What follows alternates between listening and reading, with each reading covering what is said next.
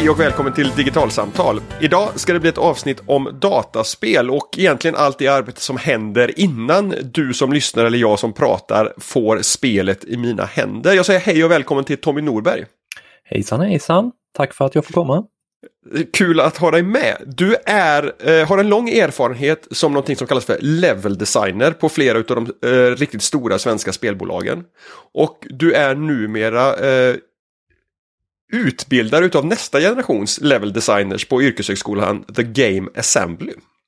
Det stämmer. Det stämmer. Vi, vi, vi måste titulera oss utbildare. Jag, eh, jag får tillsägelse av min chef att jag får inte kalla mig för lärare för då måste jag ha en pedagogisk utbildning eh, och det har jag inte utan jag är från industrin och lär ut om industrin. Så det är en, det är en yrkesutbildning i den bemärkelsen. Så, så utbildare är korrekt. Vilka stora spel har du på ditt CV? Ja, jag eh, har ju byggt min karriär uppe i Uppsala och Stockholm och jobbat på, på eh, Avalanche, eh, en stor studio där uppe och på Starbreeze, en annan stor studio som, som började sin resa i Uppsala men numera är i Stockholm. Och Avalanche är väl mest kända för ett så kallat Open World-spel, eh, Just Cause de har släppt ett antal versioner av Just Cause där man är en liten eh, huliganagent som, eh, som sprider kaos på eh, karibiska öar och eh, stöttar diktatorer. Eh, så den är väl kanske min största, eh, eventuellt mest välkända titel. Men sen så är det många som, som har blivit eh, lite varma för ett lite mindre spel som, som heter Brothers, A Tale of Two Sons. Som, som är en liten saga i Bröderna Lejonhjärta-stuk där man följer två bröder som, som ger sig ut på äventyr för att hitta ett botemedel till sin sjuke far. Mm. Och en väldigt sorglig historia där eh, med, med Ja, jag ska inte avslöja för mycket Det tycker jag inte. Det får de som blir nyfikna på leta reda på spelet. Det finns bland annat till, till mobila plattformar, visst är det så? Ja, nu för tiden har det kommit till rätt så många olika plattformar så eh, det finns lite överallt eh, att få tag i. Um, så förhoppningsvis ska det inte bli allt för svårt och den, den säljer fortfarande och bubblar upp i um, bland folk emellanåt och det har blivit en, en favorit. Men den har ju något år på nacken. Mm. Eh, kreatören av det är ju Josef Fares, en ganska berömd eh, svensk filmproducent eh, eller director eller hur man, hur man säger det inom filmindustrin. Eh, som, som valde att sko om sig och bygga dataspel istället. Mm. Så det var hans första titel. Och därefter så har han släppt ytterligare två. Den senaste är It takes two som också har fått väldigt, väldigt momentum och, och eh, når ut till icke-spelande människor så att säga. Det är ett co-op, alltså ett samarbetsspel där man spelar, eh, där man spelar eh, ett, ett par Eh, som, som har en dotter och paret är på väg att skiljas. Och så handlar det väldigt mycket om familjedramat, om att komma överens och om att samarbeta. Så det, det, är väldigt mycket i det temat som Josef vill göra spel och det var där han började och det var där jag hjälpte till med Brothers. Spännande. Eh, jag känner inte, eh, spelet Brother känner jag till men, men jag, jag var först när jag eh, råkade få tweets från dig eh, intweetade i mitt flöde på Twitter som jag förstod kopplingen mellan dig och det spelet. Men det som fick mig att, att bli riktigt nyfiken och, och boka det här eh, inspelningen med dig är att Eh, jag, jag, har i min karriär som, som teknikjournalist skrivit om både eh, Starbreeze och Avalanche som, som företag och eh, de titlarna som, som är släppta där eh, för, från de här två studiosarna. Men, men då har det alltid varit från det som händer vid släppet i stort sett och framåt men inte så mycket om det som händer på resan dit. Och det som fångade mitt intresse på Twitter det är att du har eh, vid flera tillfällen twittrat ut ganska långa sekvenser eh, ur en kommande bok. Eh, eller bakgrundsarbetet till en bok som heter Building Game Worlds som du eh, jobbar på som ska komma eh, vad det lider. Ehm, och jag kände plötsligt att ah, så här, den här kreativa processen som är bakom att skapa ett spel. Den kände jag, den skulle jag vilja göra ett poddavsnitt med. Så därför är vi här idag. Du har en titel då som har varit level designer och i några fall till och med lead level designer. Vad, vad, vad, vad är level design och vad gör en level designer för någonting? Ja, en lev level designer är ju en, en, en världsbyggare. Vi bygger ju den faktiska världen. Ehm, den, den sista biten pussla ihop alla pusselbitar som resten av studion gör så att det faktiskt blir någonting spelbart. Ofta i de stora då blockbusterspelen så är det ju ganska stora, storskaliga, emellanåt ganska verkliga världar som man går runt i och upplever.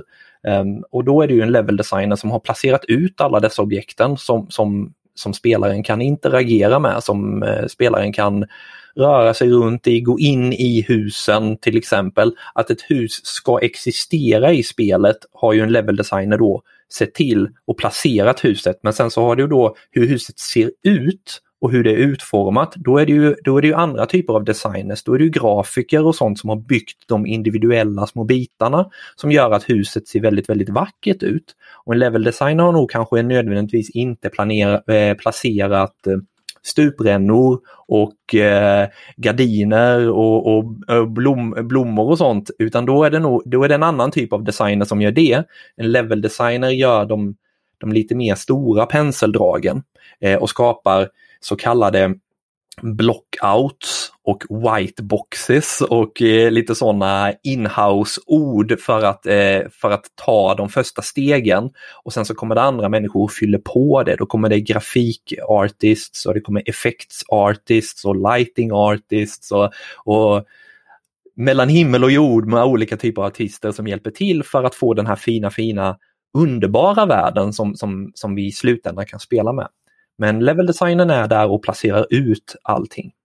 Men, men, det låter lite grann också som att en, en eh, är på något sätt eh, ett steg närmare liksom den underliggande berättelsen på något sätt i spelet. Och, och designar eh, liksom hur spelet fortskrider över tid.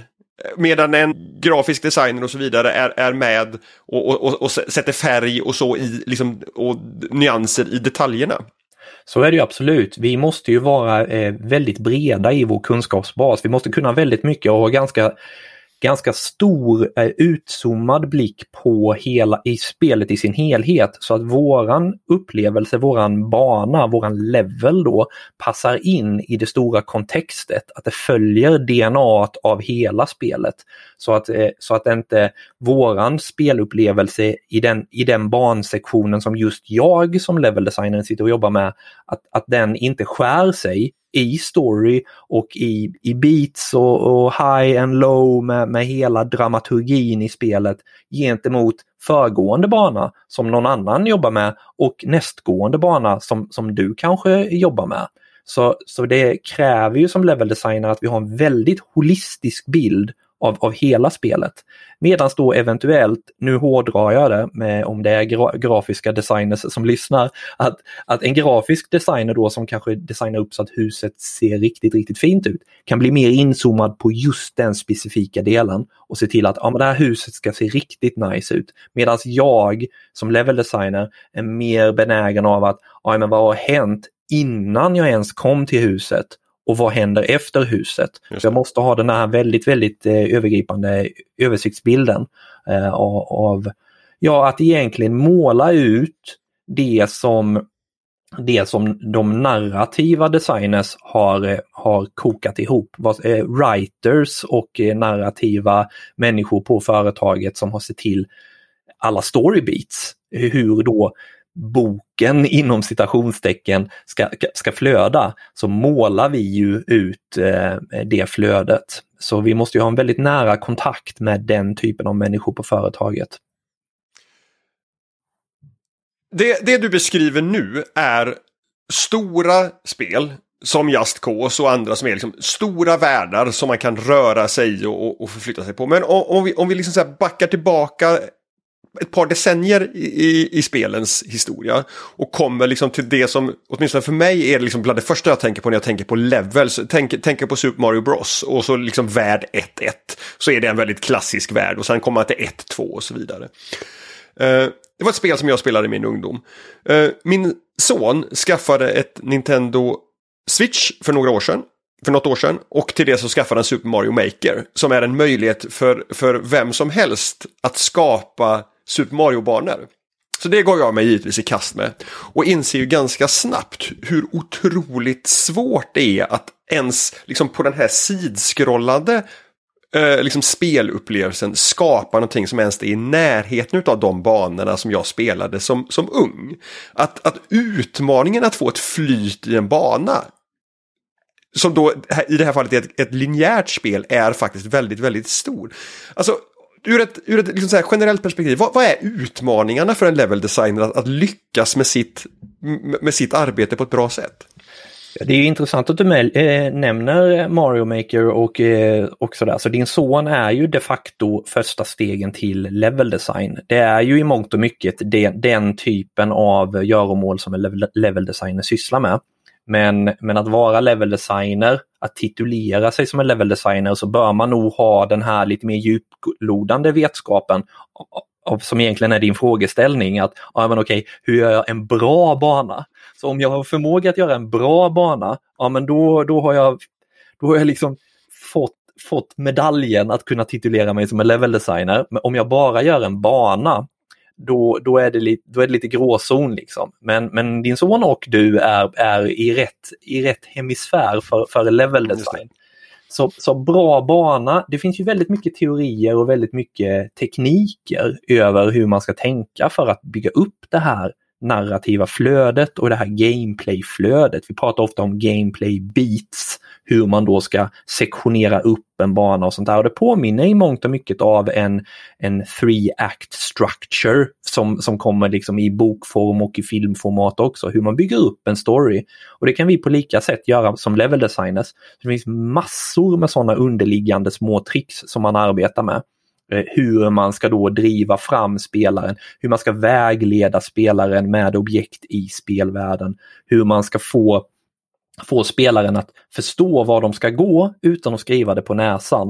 Eh, Sådana små, små underliggande grejer så att vi tror ju kanske att vi springer runt i en öppen stor värld och bara gör lite som vi vill. Men i, i verkligheten så är det ju level designers där som bestämmer rätt och slätt vad det är du ska gå. Men du tror att du är väldigt, väldigt fri. Men, eh, men det är ju väldigt mycket psykologiska småtricks som vi håller på med. Eh, och, och, det är denna podden alldeles för kort för att gå in på. Eh, och, och, det är väl på något sätt där jag också försöker i bokform att, att bryta ner det. För det är ganska svårt och stort eh, och, och, komplicerat.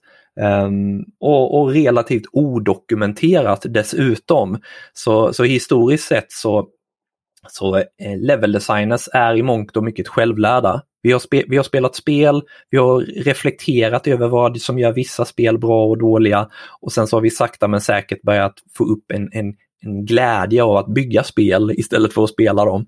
Just det. Och, och, och eh, och, och liksom bara försökt forska fram det och, och, och komma till en nivå eh, av trial and error tills det blir bra. Så de tidiga spelen som du pratade om David med Super Mario och sånt, de har ju itererats otroligt mycket eh, banorna. De här små blocken har flyttats millimeter för millimeter för att få den specifika känslan som man är ute efter. Eh, och där är vi ju fortfarande givetvis att, att testa väldigt mycket men med erfarenhet så kommer ju, kommer ju den här ryggradskänslan över vad som gör en bra bana och en dålig bana. Du, du säger två saker här som jag skulle vilja plocka upp. Nu hoppas jag att jag kommer ihåg den andra när jag börjar med den första. För att eh, två av de Twitter-trådarna som, som eh, jag fastnade för hos dig eh, var en som handlade om, om trappor. Och hur man liksom sådär på, på, eh, på olika sätt hur man, hur man konstruerar en, en, en trappa kan, kan hjälpa eh, spelaren att förstå eller få en känsla för vad som väntar vid toppen eller botten på den trappan och så vidare. Det, det, det var det ena. Och, och det andra var eh, en, en annan tråd som handlar om de här stora världarna som du pratar om och hur man kan placera ut, behöver placera ut la, tydliga landmärken som gör det möjligt för en spelare att faktiskt navigera i den här och, och, och få den här liksom rumsliga känslan för vart är jag, vart är jag på väg och så vidare. Och jag tänker att för, för, för, det, för det, du säger nu också eh, som kopplar till det här att de här öppna världsspelen Jag hänger kvar vid, vid, vid Nintendo-spel för att det är det vi har här hemma just nu i, i, i överflöd. Zelda, som, som har blivit ett väldigt, uh, gått allt mer och mer mot att vara det här öppna spelet som jag upplever när jag spelar det som ett öppet spel. Men det du säger är att ni använder de här uh, trappknepen och de här uh, landmärkesknepen och så vidare för att skapa en illusion utav att det här är en väldigt öppen värld, men där ni ändå nudgar mig att, att göra vissa saker i en viss ordning. Ja, så är det ju absolut. Det är ju, det är ju väldigt mycket som händer i det senaste eh, Zelda-spelet när du bara från det att du lämnar din första grotta och kommer ut och ser den här stora härliga världen, då etablerar de ju väldigt mycket utan att i skrift säga någonting eh, om det. De mm. etablerar vart det är du ska, ditt slutmål som du kommer komma till timmar och, efter timmar och timmar och timmar av spelar, spelande så kommer du komma till det där slutmålet som du har in, implanterats in i ditt bakhuvud redan från allra första början. Så det händer ju väldigt mycket psykologiskt som vi, som vi beaktar hela tiden med eh, eh med vad vi kallar för long term goals och mid term goals och short term goals och, och, och sådana saker, hur vi ska då driva spelaren framåt och eh, behålla den här upptäckarlusten. Och de stora öppna spelen, då är det ju en annan form av design som vi vill ha. Vi vill ju ha den här upptäckarlusten. Vi vill få spelaren att känna att spelaren skapar sin egen historia. Ska jag gå till den där coola katedralen eller ska jag gå in i den mystiska mörka skogen? Vi vill ju att spelaren ska ha det valet. Så, så många gånger så, så eh, är vi rätt öppna där. Att eh, gå till den mörka skogen eller katedralen för att, för att vi har vi har en story, eh, vi har en branching story arc, att det, det, gör inte så mycket vilket håll du än går. Men sen så kommer vi ju obenhörligt folda in och eh, ha en, en så kallad hourglass design, att man pinchar till det och du kommer till en, en, en choke point, en narrativ choke point dit alla spelare kommer komma. Så, så vi har ju en fiktiv öppenhet på det sättet. Det är ganska få spel som är totalitärt öppna. Minecraft är ju mer ett spel som, som handlar om som, eh, som, som går under kriteriet sandbox. Så den har ju inte någon story per se, möjligtvis att, att eh, slå änderdraken i slutet. Men, men den är ju väldigt, väldigt fiktiv och eh, onålig för, för mina döttrar till exempel. De har ju aldrig någonsin öppnat portalen efter år av spelande. Eh, så, så, det är ju väldigt olika. Så det narrativa drivet och hur mycket vi nudgar dig som spelare, hur, hur mycket vi level designers använder de här psykologiska tricken, det är ju beroende från spel till spel givetvis, men de finns alltid där eh, och, och pokar på dig.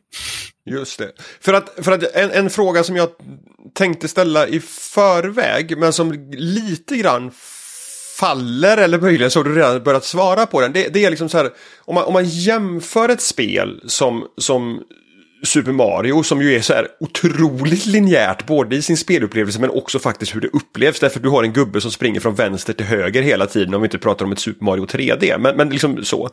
I, i liksom så här en som, som en extrem och sen har vi ett öppet spel som Just Cause eller någonting annat i, i den andra änden. Liksom så här, vilken som är den stora skillnaden i att, att vara eh, level designer för, för liksom de, de två ytterligheterna. Men, men, men det du säger är att, att det, de här liksom väldigt tydliga banorna finns på något sätt ändå i ett spel som Just Cause. Fast i, i, i så här, main quest och side quest och så vidare. Och du kommer liksom ändå till slottet i slutet på, på 1-4 eh, eller bana 4-4 ändå. Det är det som är chokepointen i ett spel som... som ja.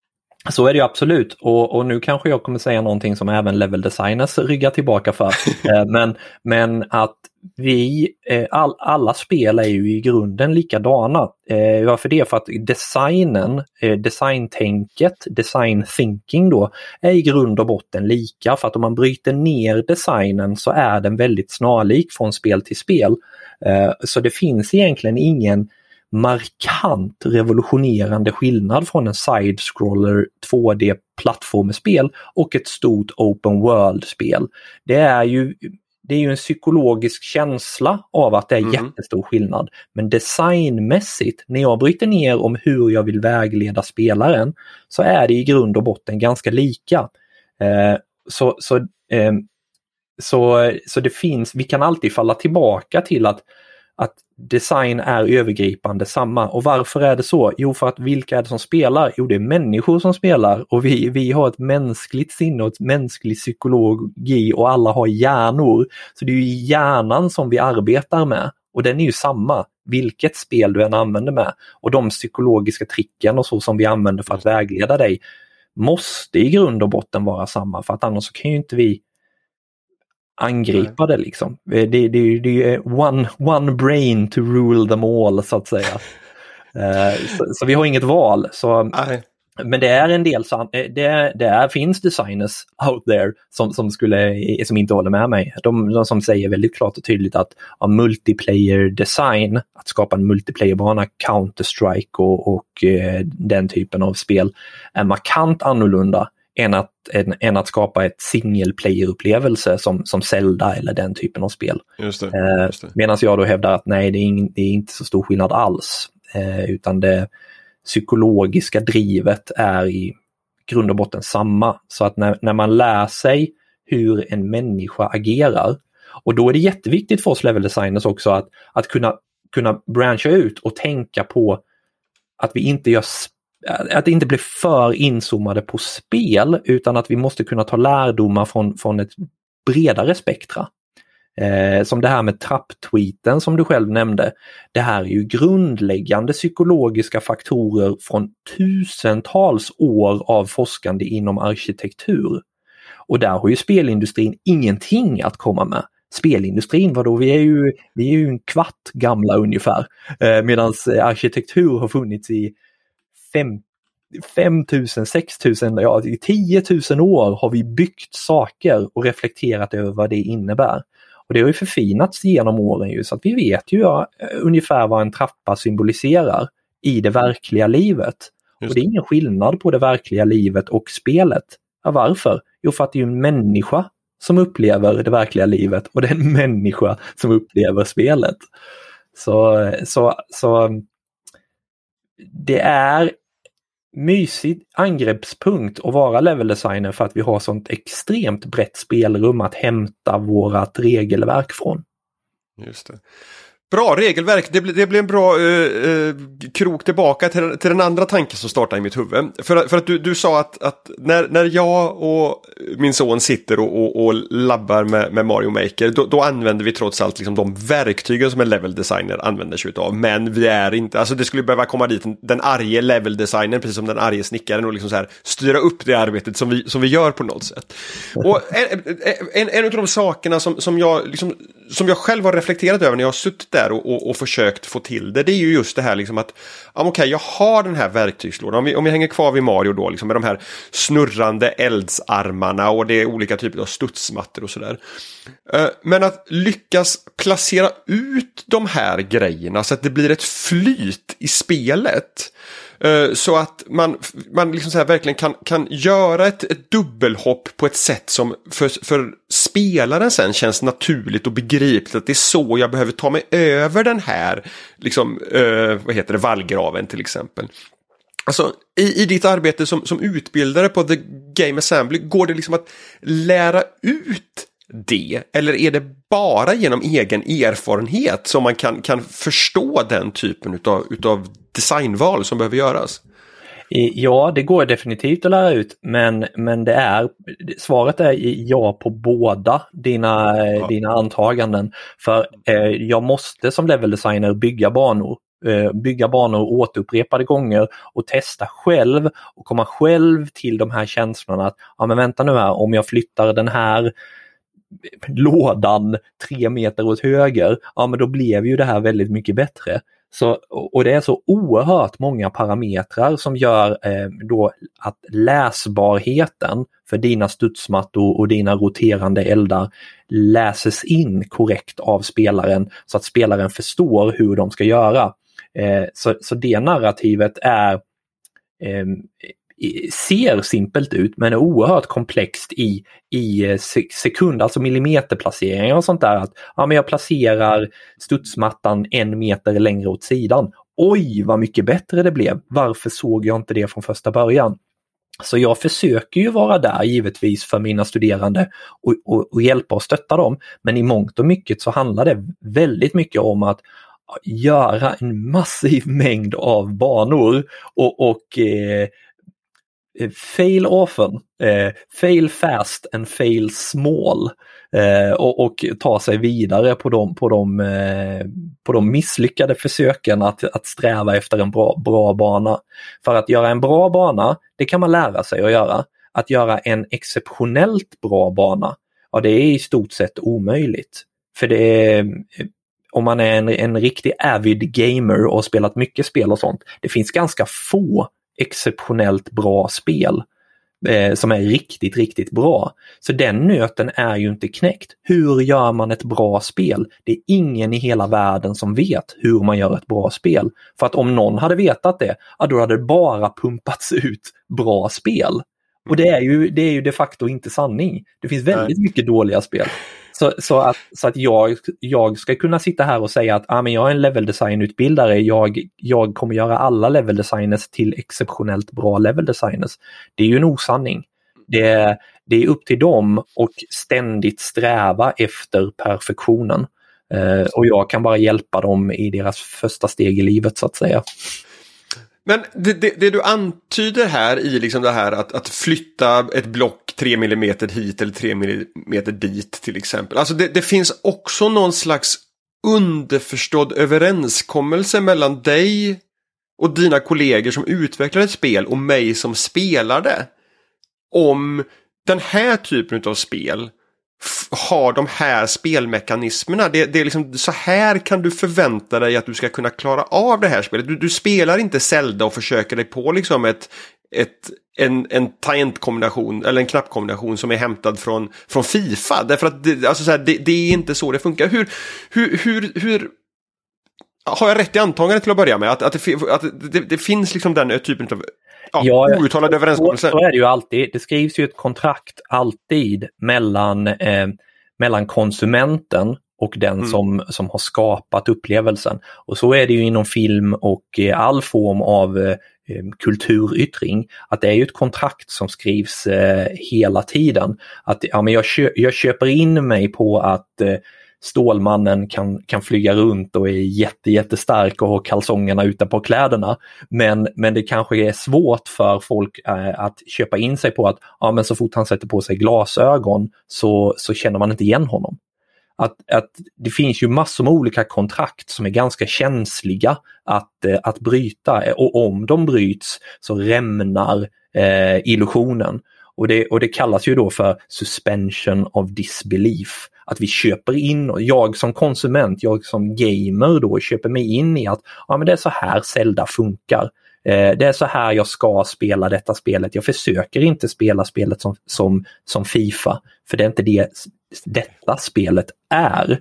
Eh, så, så om då spelare aktivt försöker bryta det, ja, då kommer de inte ha en bra spelupplevelse. Så kontraktskriveriet är ju ypperligt viktigt. Men, och det är, ju, det, det, det är ju trickle down till oss level designers också. För att om inte vi förvaltar det kontraktet, om inte jag bygger banor som uppfyller det kontraktet, ja, då är det ju jag som level designer som rämnar deras illusion.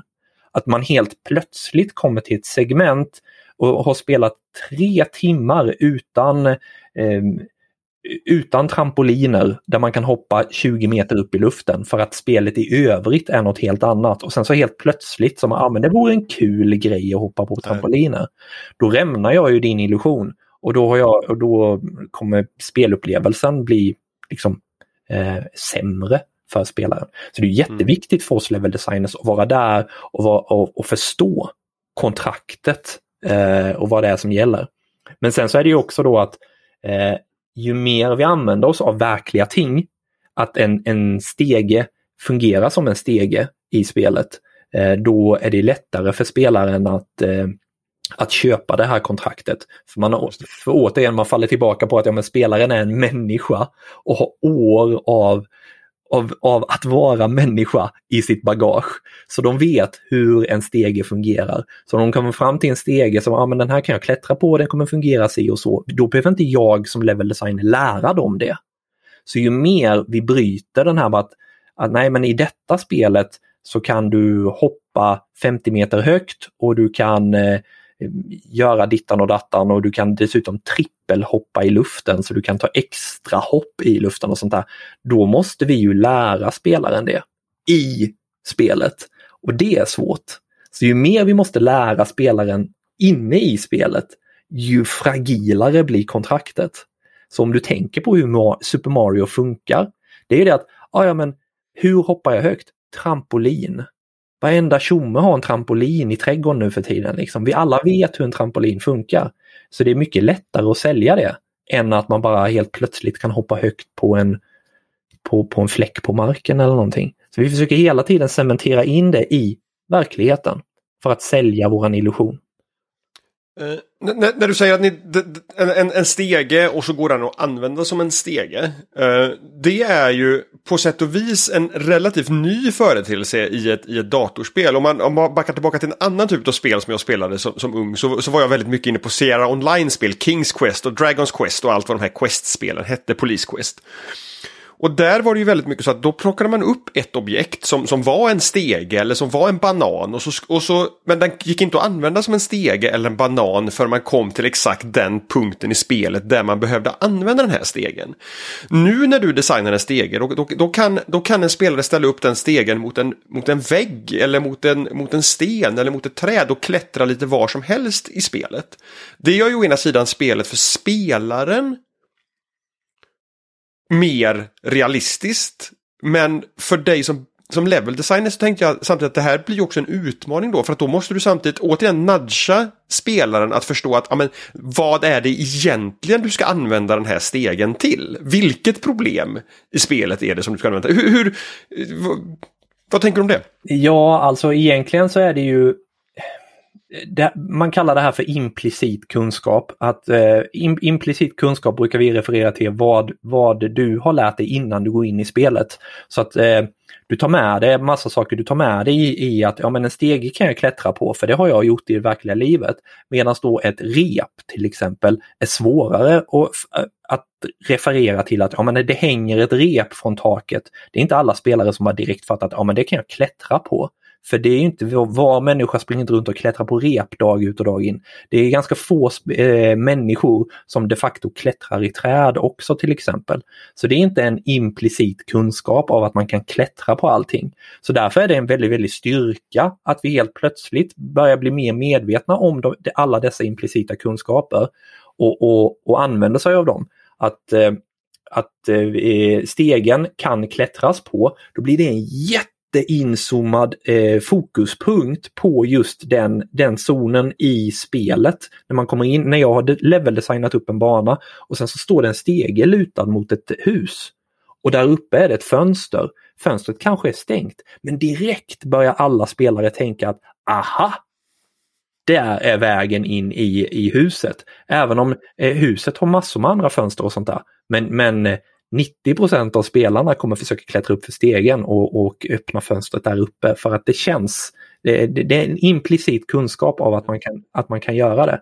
Sen så är det, det du är inne på är ju mer att ja, men om vi har en spelmekanik av att man de facto kan plocka stegen och ställa det precis var man vill och klättra upp på. Ja, då börjar vi komma in i ganska shady gråzoner av speldesign att, att eh, det blir då får vi ju som level designers jobba extraordinärt mycket med att eh, väldigt, väldigt tydligt visa att ja, du kan placera stegen överallt, men om du placerar den här så kan du klättra upp. Om du placerar den där, ja, då kan du, du kan klättra på stegen men du kommer ingen vart. Eller den välter för att det var inte där det var tänkt att den skulle stå. Ja, ja, men, mm. men och det kallar vi som level designers att vi skapar buffer zones. Så att om mm. stegen är 10 meter hög, ja då är det väldigt viktigt att att eh, om du inte vill att eh, spelaren ska komma upp på ett hustak, ja men då gör jag det 20 meter högt, hustaket. Liksom. Så att det är väldigt, väldigt uppenbart att spelaren inte kan använda sig av stegen för att komma upp just där. Um, så det finns massor med tekniker men det blir väldigt mycket mer shady när vi öppnar upp med massor med sådana här ehm, eh, grundregler eh, som, som, som, skapar game design som, som man kan applicera på många olika sätt. Om, om vi går tillbaka till ditt ehm, spel med Zelda till exempel. Det nyaste Zelda-spelet har ju väldigt mycket game design som är open-ended.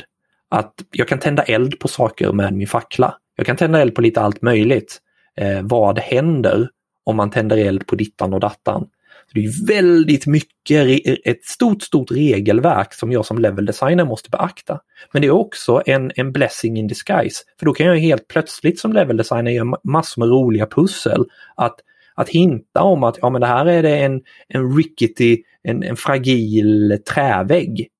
Och bakom träväggen finns det någon hemlighet. Men jag behöver inte ens visa hemligheten. För att jag kan bara hoppas på att spelaren har fattat att spelaren kan elda saker. Eld, trä, eh, det är implicit kunskap. Och då försöker spelaren elda och så blir de jätteglada för att de själva har fattat att det var någonting där bakom.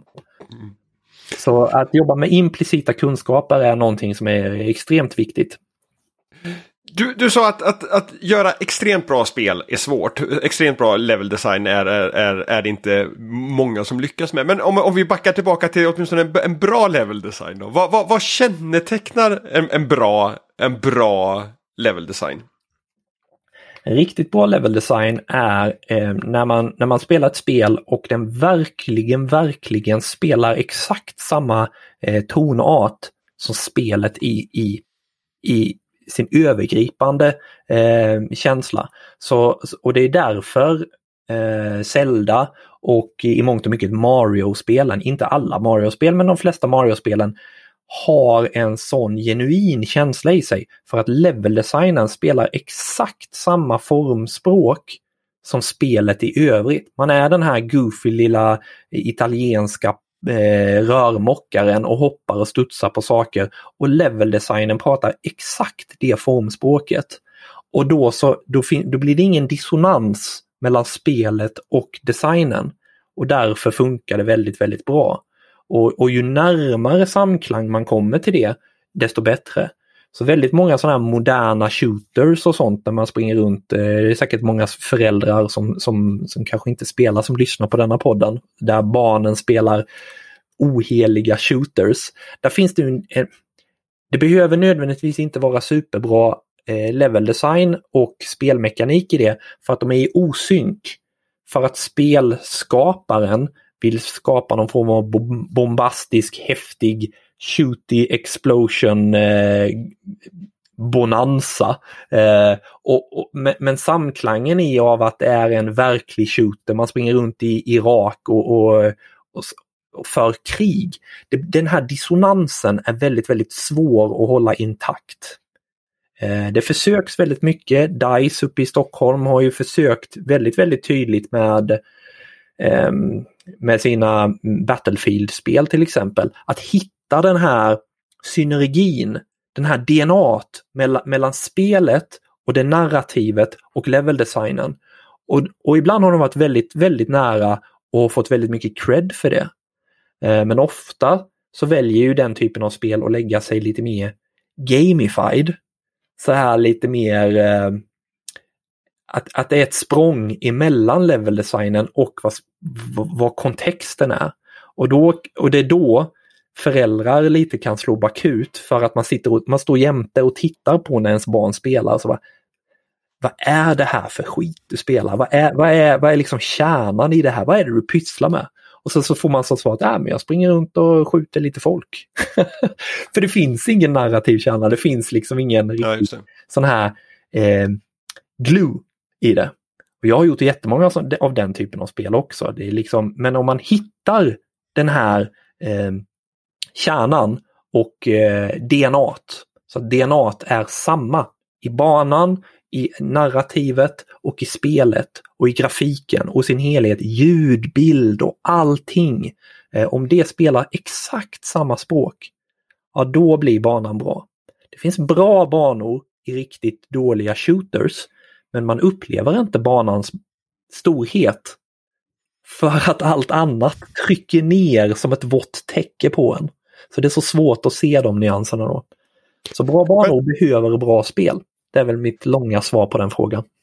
Och, och, det du beskriver här är ju också då liksom det, det enorma lagarbetet som, som, som det faktiskt är i, i de här stora produktionerna för att, för att få till det. Liksom när, när ett, ett, ett manus ska synka med ljudbild, som ska synka med formspråk, som ska synka med bandesign just för att berätta en helhet eller ge en helhetsupplevelse. Mm. Ja, ja men precis. Det är ju, och de stora spelen, alltså nu för tiden, eh, och det har ju gått snabbt, nu för tiden det är ju tusentals människor som bygger spel, liksom hjälps åt för att bygga spel. Eh, de riktigt stora spelen, det är ju så ohyggligt mycket människor som är med och bygger detta spel över år efter år efter år.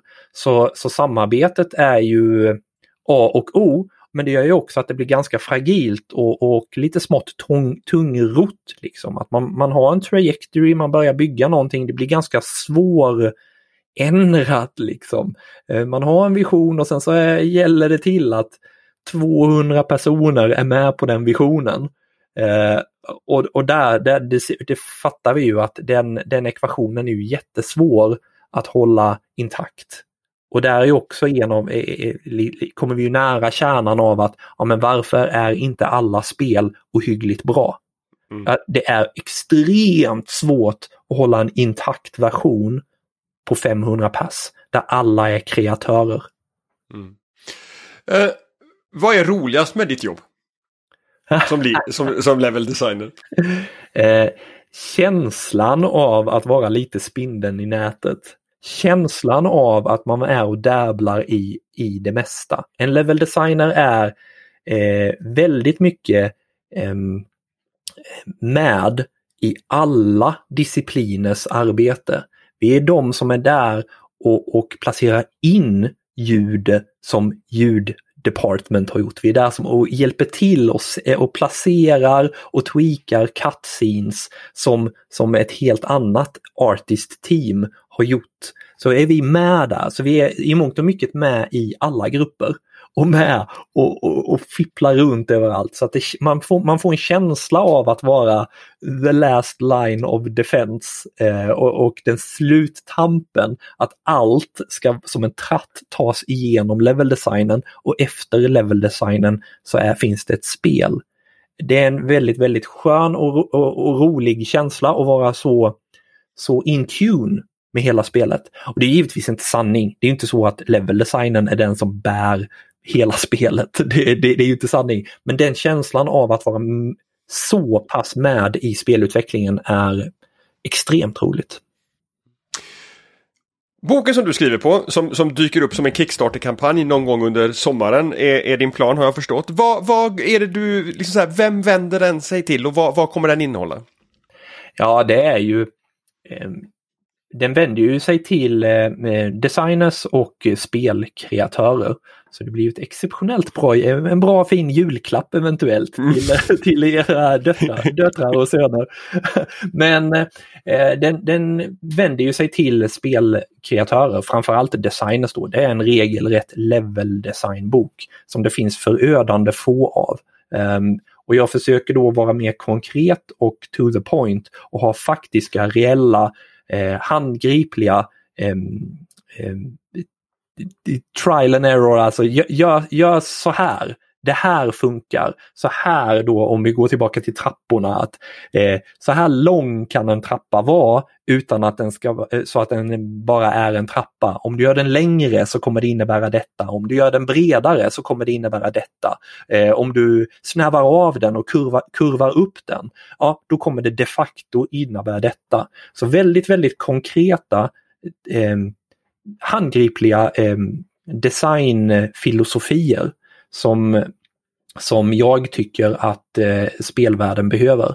Och sen så försöker jag också då sätta någon form av normaliserad kontext och vokabulär framförallt över hur man hur man diskuterar spel, hur man pratar spel. För det är också lite sådär, alla har lärt sig hemma i källan över hur man gör spel och sen så bara, ah, det är så jag alltid har gjort. Det, det är svårt att, att diskutera god design om ingen har samma språkbruk.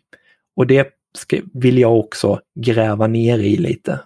Hur ska vi kunna enas Och det behöver vi göra för vi är helt hejkon bacon över hela, hela brädet om man tittar på ett globalt perspektiv med alla studios.